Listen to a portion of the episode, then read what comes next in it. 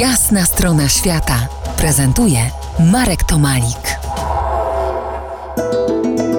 Nie ma jak w zimowy wieczór wyciągnąć się przed kominkiem, patrząc jak tańczą języki ognia. Dziś po rozświetlonej płomieniami stronie świata snuję refleksję o prastarym ogniu. Otóż kiedy wreszcie postawiłem niewielki, ale własny dom, jedną z pierwszych instalacji był właśnie kominek. Jak już zamieszkałem, szyba dzieląca ogień stała się moim telewizorem i z tym jednym niezmiennym, ale jakże fascynującym programem. Godzinami mogłem patrzeć, podziwiać przemiany materii w energię. Często towarzyszyła temu muzyka, zakładałem słuchawki, włączałem ulubioną muzę, a teledysk miałem na ekranie kominka.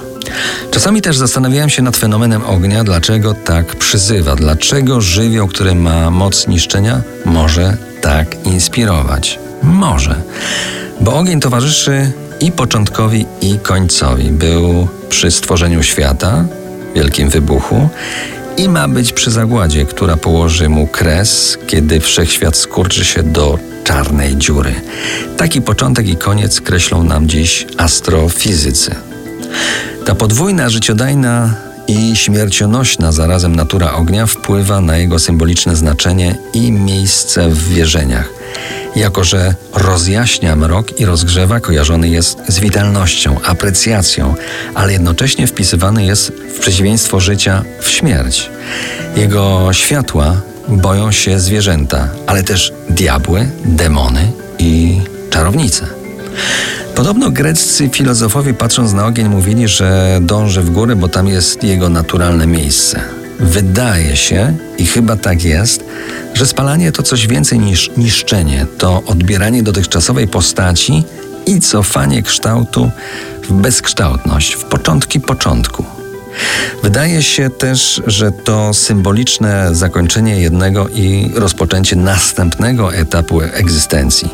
Widać to wyraźnie w legendzie o Feniksie, który kończy życie, płonie, by następnie odrodzić się z popiołu. Przy tym ogień ma moc oczyszczania. Niszczy jedne formy, by mogły pojawić się drugie w doskonalszej postaci. I to pewnie dlatego ogień towarzyszy przechodzeniu od bytowania ziemskiego do zaświatowego. Oczywiście Indie, ale nie tylko Indie. I tu widzę stosy kremacyjne w Varanasi u brzegów świętego Gangesu, gdzie spalanie zwłok było i jest częścią obrzędu pogrzebowego.